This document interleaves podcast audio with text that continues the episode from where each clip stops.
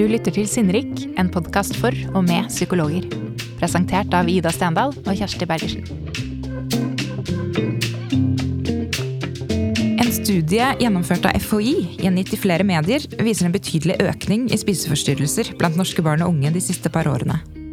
Blant jenter mellom 6 og 12 år var forekomsten tredoblet under pandemien sammenlignet med de to foregående årene. Flere mediesaker har meldt at pasienter som henvises for spiseforstyrrelser, er yngre og sykere enn før. Hva kan denne utviklingen skyldes, og hvordan kan vi som helsepersonell forholde oss til den? Karianne Vrabel, velkommen til oss. Takk for det. Du er psykologspesialist og har skrevet doktorgrad om spiseforstyrrelser. Til daglig jobber du på Modum Bad, der du er forskningsleder. Mm. Du er også førsteamanuensis ved Universitetet i Oslo. Og denne tendensen med økt forekomst av spiseforstyrrelser, den er noe du også er kjent med. Mm. Og da vi snakket om dette tidligere i år, så nevnte du at symptombildet, eller sykdomsbildet ofte ser annerledes ut nå enn det gjorde før. Mm. Kan du si litt om hva som er annerledes? Ja, altså det er, det er de eh, rapportene som kommer rundt omkring fra helseforetakene og fra barne- og ungdomspsykiatrien og sånn, at de, de, ser jo da nettopp det du sier, de ser yngre eh, pasienter som kommer. Og de ser mer sammensatte og alvorligere problemer. Eh, som f.eks. ikke bare en spiseforstyrrelse ned i lav alder, men depresjonsproblematikk i tillegg, eller ADHD-problematikk. Store konsentrasjonsvansker. Altså det, det er sammensatte saker, da. Eh, som, er, som, som krever ganske mye ressurser å, å, å, hjelpe til med. Og så kan man jo bare må, Man må liksom bare prøve å gjette seg litt fram da, til hvorfor det er sånn. Um, og det, er, det, kan vel ha noe med at Altså, um, vi så jo en antydning til økt forekomst før pandemien òg. Eh, ja. altså, vi har hatt en pandemi. Før pandemien så, så man en antydning til økt forekomst. Og så kom pandemien. Eh, og sånn i sånn sammensatte sårbarhets- eller årsaksmodeller, så er jo pandemien en sånn skikkelig trigger ikke sant, for utløsning av eh, psykiske vansker. Om det er på den ene eller andre måten. Og så er det jo en ganske kraftig trigger. En veldig sterk utløsende faktor som bærer med seg veldig store konsekvenser. Og man kan lure på om det er sånn at det har vært noen, noen, pasienter som har vært sårbare i utgangspunktet, og så kom pandemien, så komplisert og vanskelig som den ble, og så har det ført til at det uttrykket har blitt enda mer komplisert og vanskelig enn det det hadde vært kanskje uten pandemien. da. Men dette her er jo Vi, vi har ikke nødvendigvis noe tall eller data på dette, altså, men dette er, dette er, det vi klinikere og forskere liksom snakker om. Da. Kan dette være årsaken? Mm. Mm. Det er på en måte lett å skjønne at pandemien kan føre til økt forekomst. At, at mange som er mm. sårbare, at, at, stressfaktoren blir høyere. på en måte.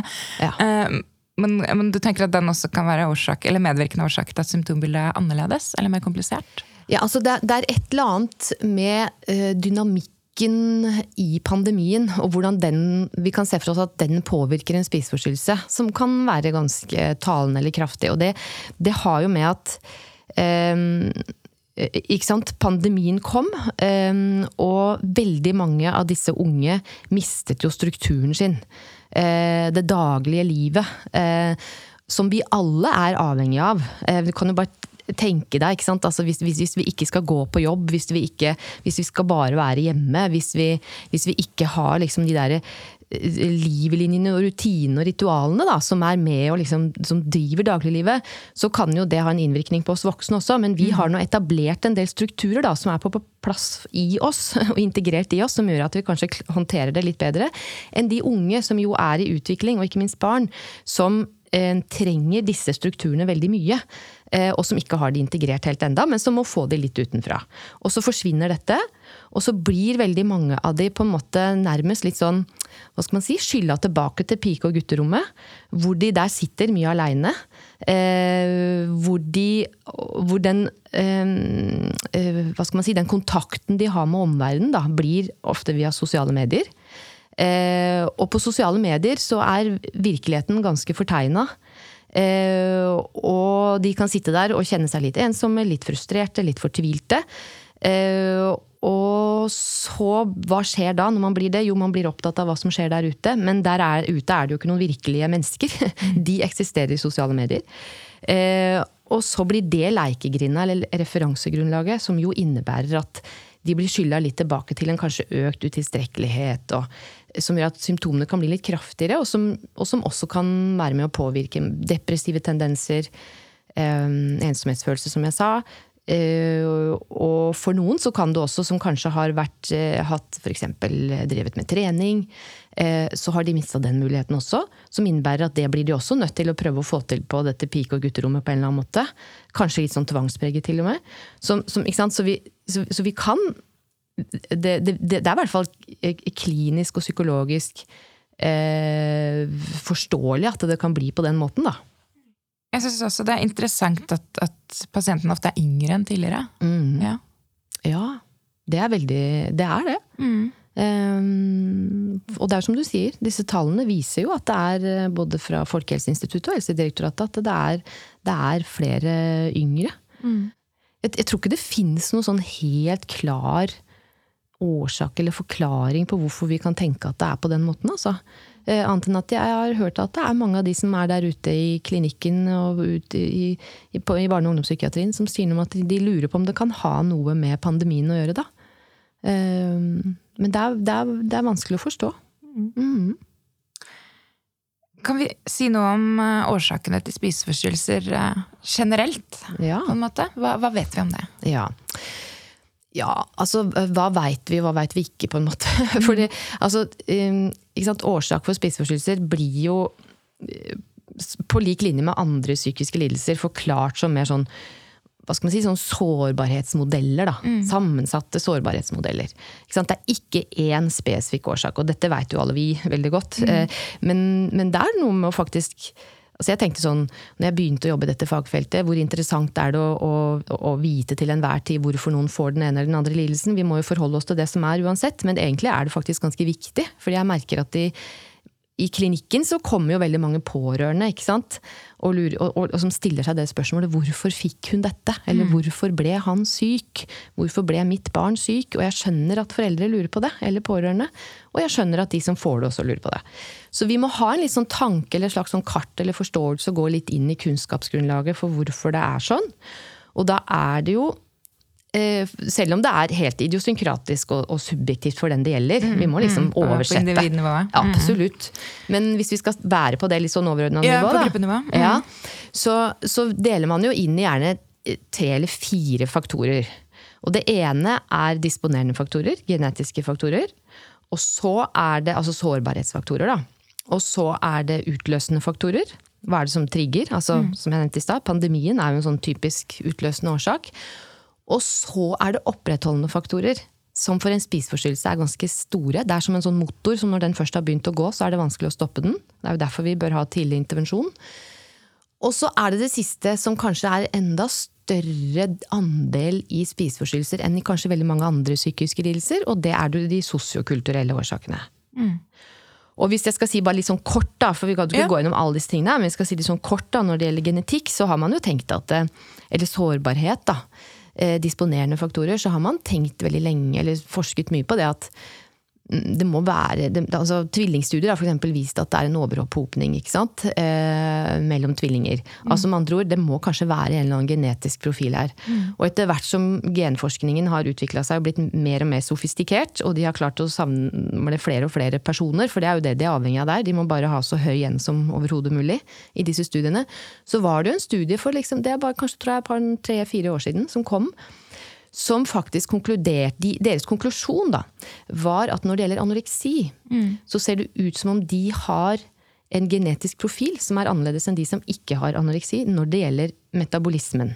Ja, okay. Altså, De mente at det kanskje anoreksi har noe med metabolismen å gjøre. Mm.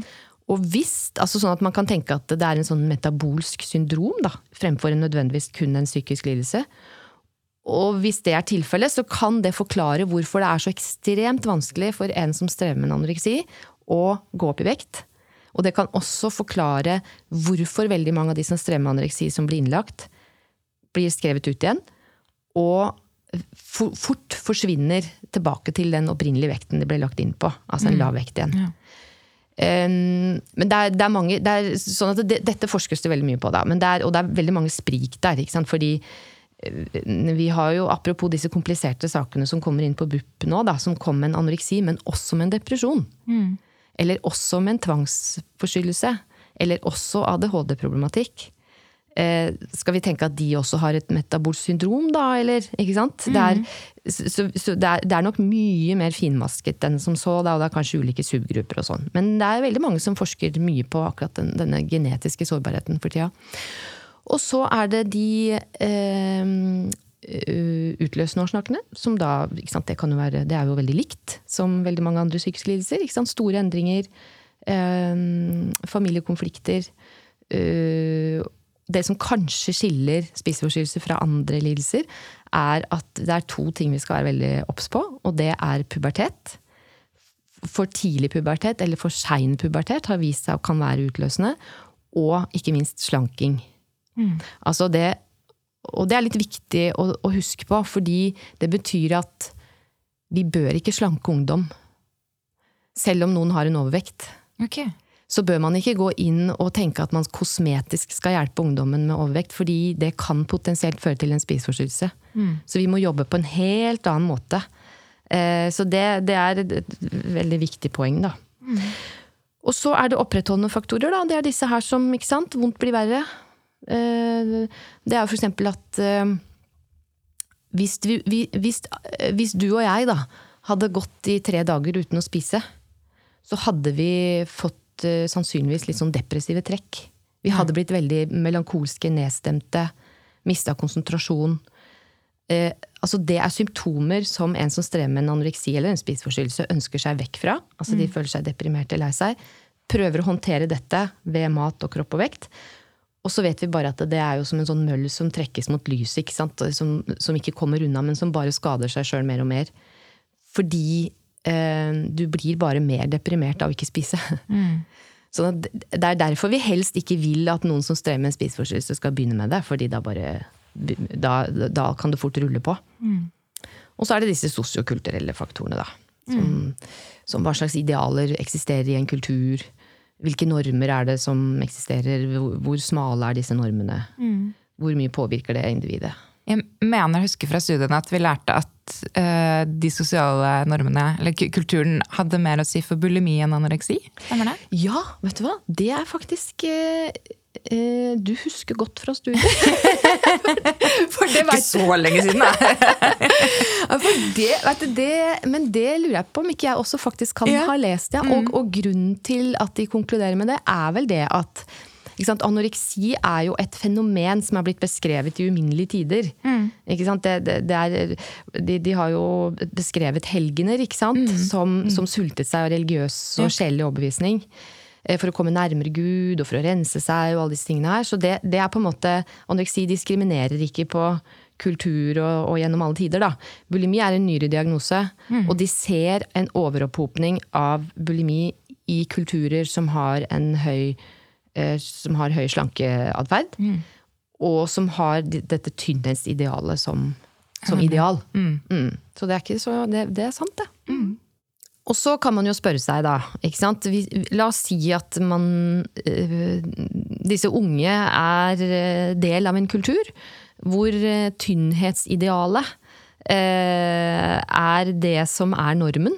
Og hvor den i tillegg er ganske trang. Altså det betyr at du Eh, du, du, må være på en eksakt, nøyaktig måte for å falle innenfor normen. da.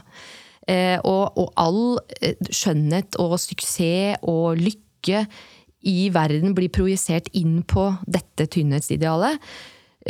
Så kan man jo lure på hvorfor får ikke da alle spiseforstyrrelse? Mm. Når de tross alt er del av denne kulturen. Og det man har sett, som er sant, i, i, forskningssammenheng så snakker vi om sånne medierende faktorer. ikke sant? Altså Hvis noe har en påvirkning på noe, så går det via noe annet. Mm. og hvorvidt det med f.eks. kroppsnøye, utilstrekkelighet eller selvbilde, eller noe sånt, hvis det har en påvirkning på at man får en spiseforstyrrelse i en kultur med, med tynnhetsideal, så er noe av det som viser seg å skille seg litt ut, er hvorvidt eh, disse personene internaliserer dette idealet i seg. Altså hvorvidt de integrerer det som en del av sin identitet. Okay. Så det betyr jo ikke sant, at hvis, hvis, de nærmest klarer å ha en hva skal man si, en litt sånn eh, ironisk distanse da, til sin egen kultur, mm. eller, sine, eller, de idealene som eksisterer i den kulturen de er en del av, så er de nok bedre rusta mot å stå imot eh, og ta i bruk alle disse praksisene som eksisterer i en spiseforstyrrelse. da.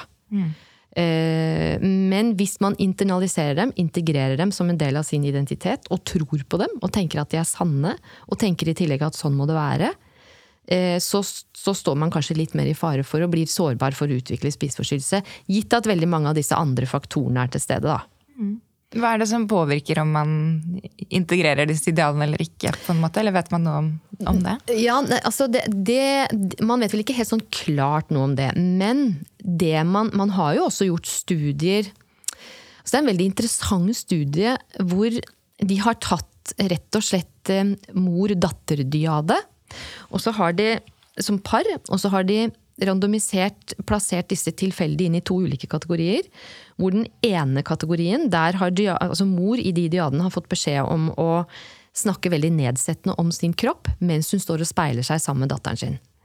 Mens i den andre gruppa så har eh, mor fått beskjed om å ikke snakke så mye om kroppen i det hele tatt, om hvordan den ser ut, men være veldig sånn positiv. Da, liksom, se, hva, se, er det ikke fantastisk hva denne kroppen kan få til? altså Bli opptatt av funksjon, da. Ja. Og så har de målt da kroppsmisnøye hos disse døtrene før og etter denne lille intervensjonen. da. Altså Dette her er jo en sånn eksperimentell studie, bitte liten, men, men, det de ser, da, er faktisk at i den gruppa hvor eh, mødrene var veldig opptatt av å snakke nedsettende om sin egen kropp, så hadde disse jentene dårligere, eller altså opplevd større kroppsmisnøye etter rett etter intervensjonen og to uker etterpå. Mm. Altså med andre ord, man kan jo liksom tenke også den, liksom, hva, hva, slags familiekultur og dynamikk er det også en del av? Hvordan snakker man om andres kropper? Eh, hva blir man opptatt av når man sitter og spiser middag? Blir man opptatt av å snakke mer om det som er på tallerken enn det som er over tallerken? Mm. Eh, altså det, man har også funnet faktisk at i en annen studie så har de jo sett at det, jenter igjen, da eh, Dette her er eh, litt sånn kjønnsdiskriminerende studier, men det er noe sånn det er, har vært. Eh, jenter helt ned til femårsalder var i, stand til å gi nøyaktig gjengivelse av hva slags normer som gjaldt i, i, i, i familien og i den kulturen de var en del av. Altså, og da brukte de dokker og sånn. Mm. liksom, og da så de at det, eh, store dokker, de som var litt større, eh, fikk mye mer negativ ladete ord knyttet til seg enn dokker som var mye mindre. Okay. Altså, sånn det er, dette er jo komplisert forskning, og det er liksom ikke noe sånn høyere himmel over alt sammen. Det er masse enkeltstående studier, men man kan jo ane at betydningen av eh, å snakke nedsettende om sin egen kropp og bli opptatt av hvordan den ser ut, og ikke minst bli veldig, liksom, kanskje litt rigid opptatt av, av mat eh, og matkultur eh, på en rigid måte, også kan ha en påvirkning, da.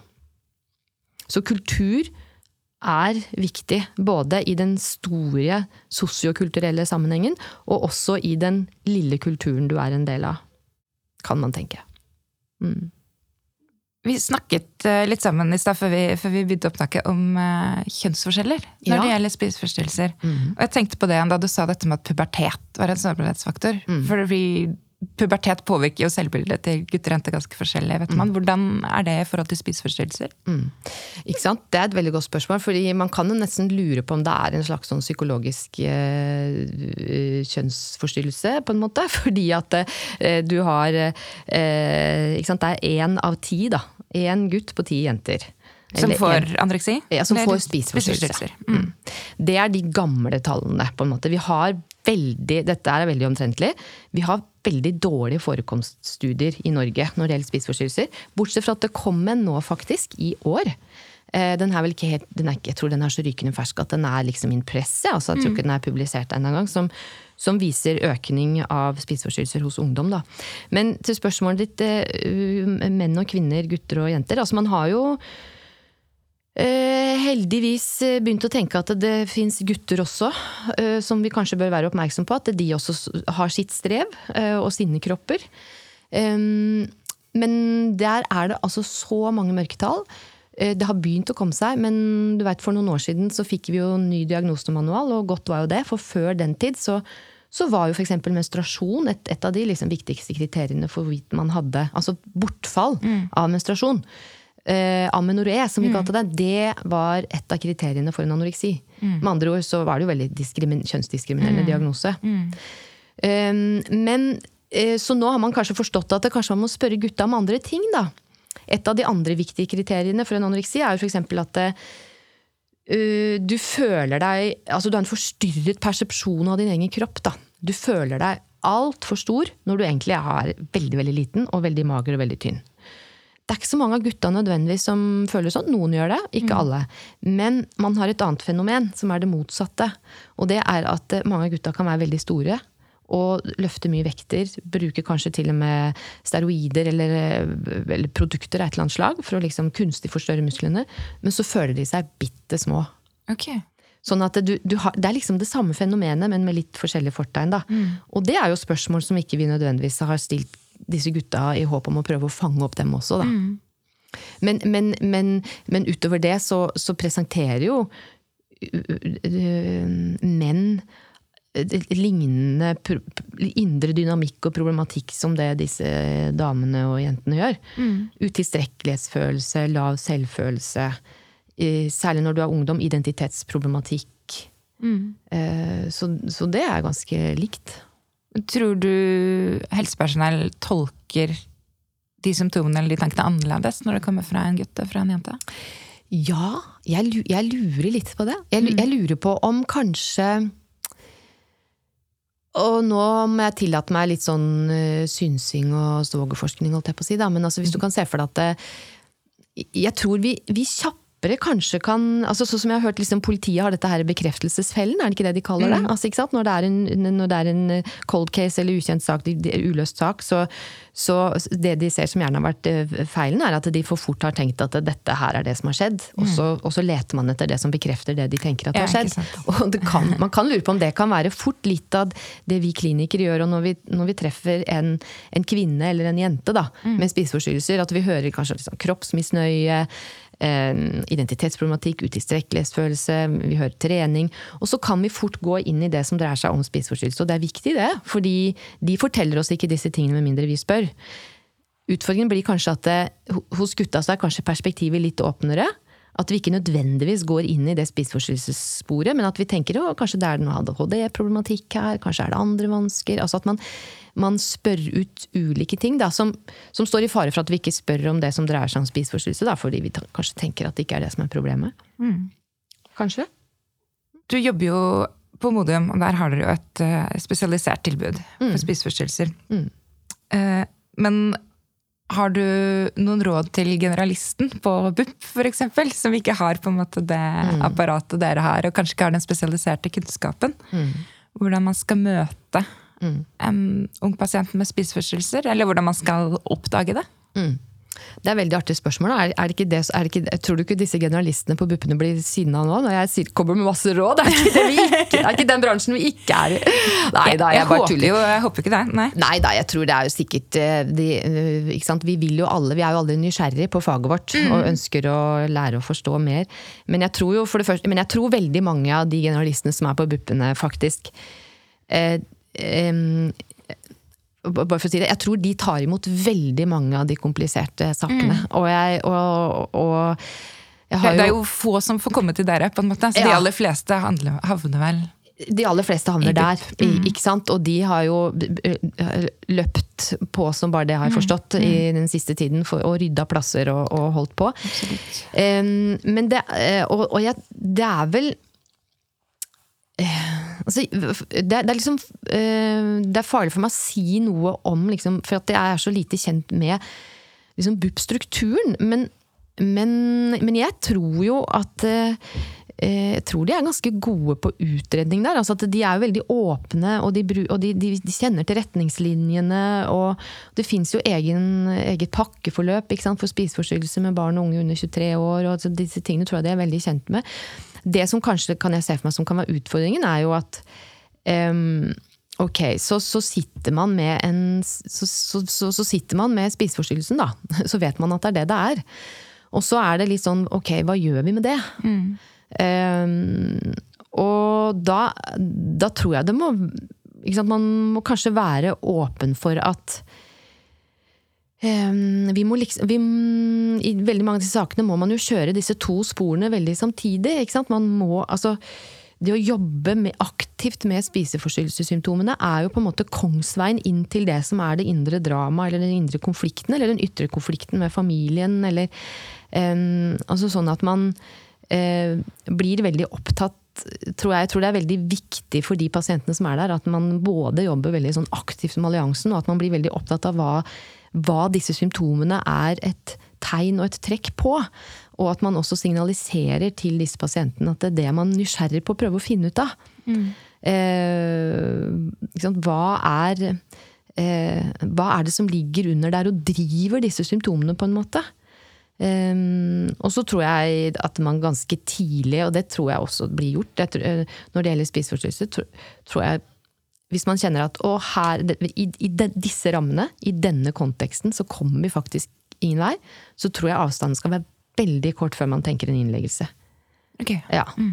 Fordi um, for å kunne i det hele tatt komme i posisjon også til å jobbe med spiseforstyrrelser, så, så, blir man jo nødt til å Vi, snakket, liksom, snakker litt om det i fagfeltet vårt, at uh, hvis du sitter og har en litt sånn introseptiv, veldig sånn undrende, tolkende terapi med en pasient som har en anoreksi som har en BMI på 13, så er det det samme som å, å gjøre det med en person som egentlig sitter foran deg og er rusa. Mm. For det er, og det, og det, sier noe om hvor vanskelig det kan være. Du må vite at du har med deg en pasient på en form for sånn kognitiv klarhet. Da, mm. Eller, mm. Eller, eller, evne til å holde tanken i hodet og, og, og mm, eh, å, ha en, et, et, energinivå som tåler det. da. Og derfor så blir det jo så viktig å jobbe med disse symptomene. Vi kan ikke se bort ifra dem. Ehm, men hvis de blir vanskelig å jobbe med i en poliklinisk setting, så må man veldig kjapt gå inn i en innleggelse, sånn at man prøver å forhindre et videre dårlig forløp. da. Så man bør ikke ha for høy terskel for å tenke innleggelse? Men, men før man kommer dit, si at mm. man har uh, gjort en utredning. Mm man sitter der med en, pasient, en ung pasient med anoreksidiagnose, kanskje 14-15 år. Hva, hva, kan man gjøre poliklinisk? Er det noe man kan få gjort behandlingsmessig i en sånn setting? Absolutt, det er mm. masse man kan få gjort. Og det er masse arbeid som blir gjort. Og, og, og den, den, den, terapimodellen, eller den metoden som er go to-modellen, eh, i den konteksten, for så vidt både poliklinisk og innliggende, er jo familiebasert terapi. Eh, og det er jo nettopp under forståelsen av at eh, når man først får en som strever med en spiseforstyrrelse i sin midte, så om, om ikke familien var dysfunksjonell og hadde og sitt strev i utgangspunktet, så får de det. Fordi det påvirker familiedynamikken eh, veldig. Og ikke minst så er det, så det er ganske forstemmende å, å, lese noen av disse beretningene som pårørende forteller om hvordan det er å, å, stå ved siden av en i fam, sin familie som strever med spiseforstyrrelse. Altså de, de beskriver på en måte eh, altså, Husker det var en mor en gang som sa at eh, det, det, er som å få elektrosjokk hele tiden. Mm. Altså, er, de er altså så på vakt i krisemodus, og de føler at tida blir bare helt sånn frosset fast. Um, så det er jo og, og, hvem som helst kan jo miste på en måte hva skal man si sin egen mestringstro, tro da, og mestringstillit til seg selv i det. Så det, mye av den terapien dreier seg jo nettopp om å hjelpe foreldrene å hjelpe sitt barn. Mm. Uh, og ikke minst hjelpe de med ressurser til hvordan de skal hjelpe sitt barn. Og det er gjennom måltider og kostholdsregistreringer. Eh, altså eh, Det er en eh, ganske nøye eh, registrering av hva som blir spist og ikke spist, og drukket og ikke drukket. Eh, og ikke minst å, å, hjelpe foreldrene inn i måltidene, sånn at de kan eh, holde ut måltidene sammen med ungene sine. Da, og den som strever. Så det er på en måte liksom toppteksten på det som jobbes ganske iherdig med på, på poliklinisk eh, nivå, og også innliggende hvis det blir for, for vanskelig. Dette var veldig lærerikt, Karianne. Tusen takk for at du kom. Takk for det. Takk i like måte. Du har hørt en episode av Sinnrik, en podkast fra Gyldendal. Dagens gjest var Karianne Vrabel. Produsent var Andrea Krüger, og musikken er laget av Johannes Amble. Programleder har vært meg, Kjersti Bergersen. Følg oss på Instagram på Sinnrik podkast, så blir du oppdatert på nye episoder og utgivelser fra oss. Takk for at du lyttet!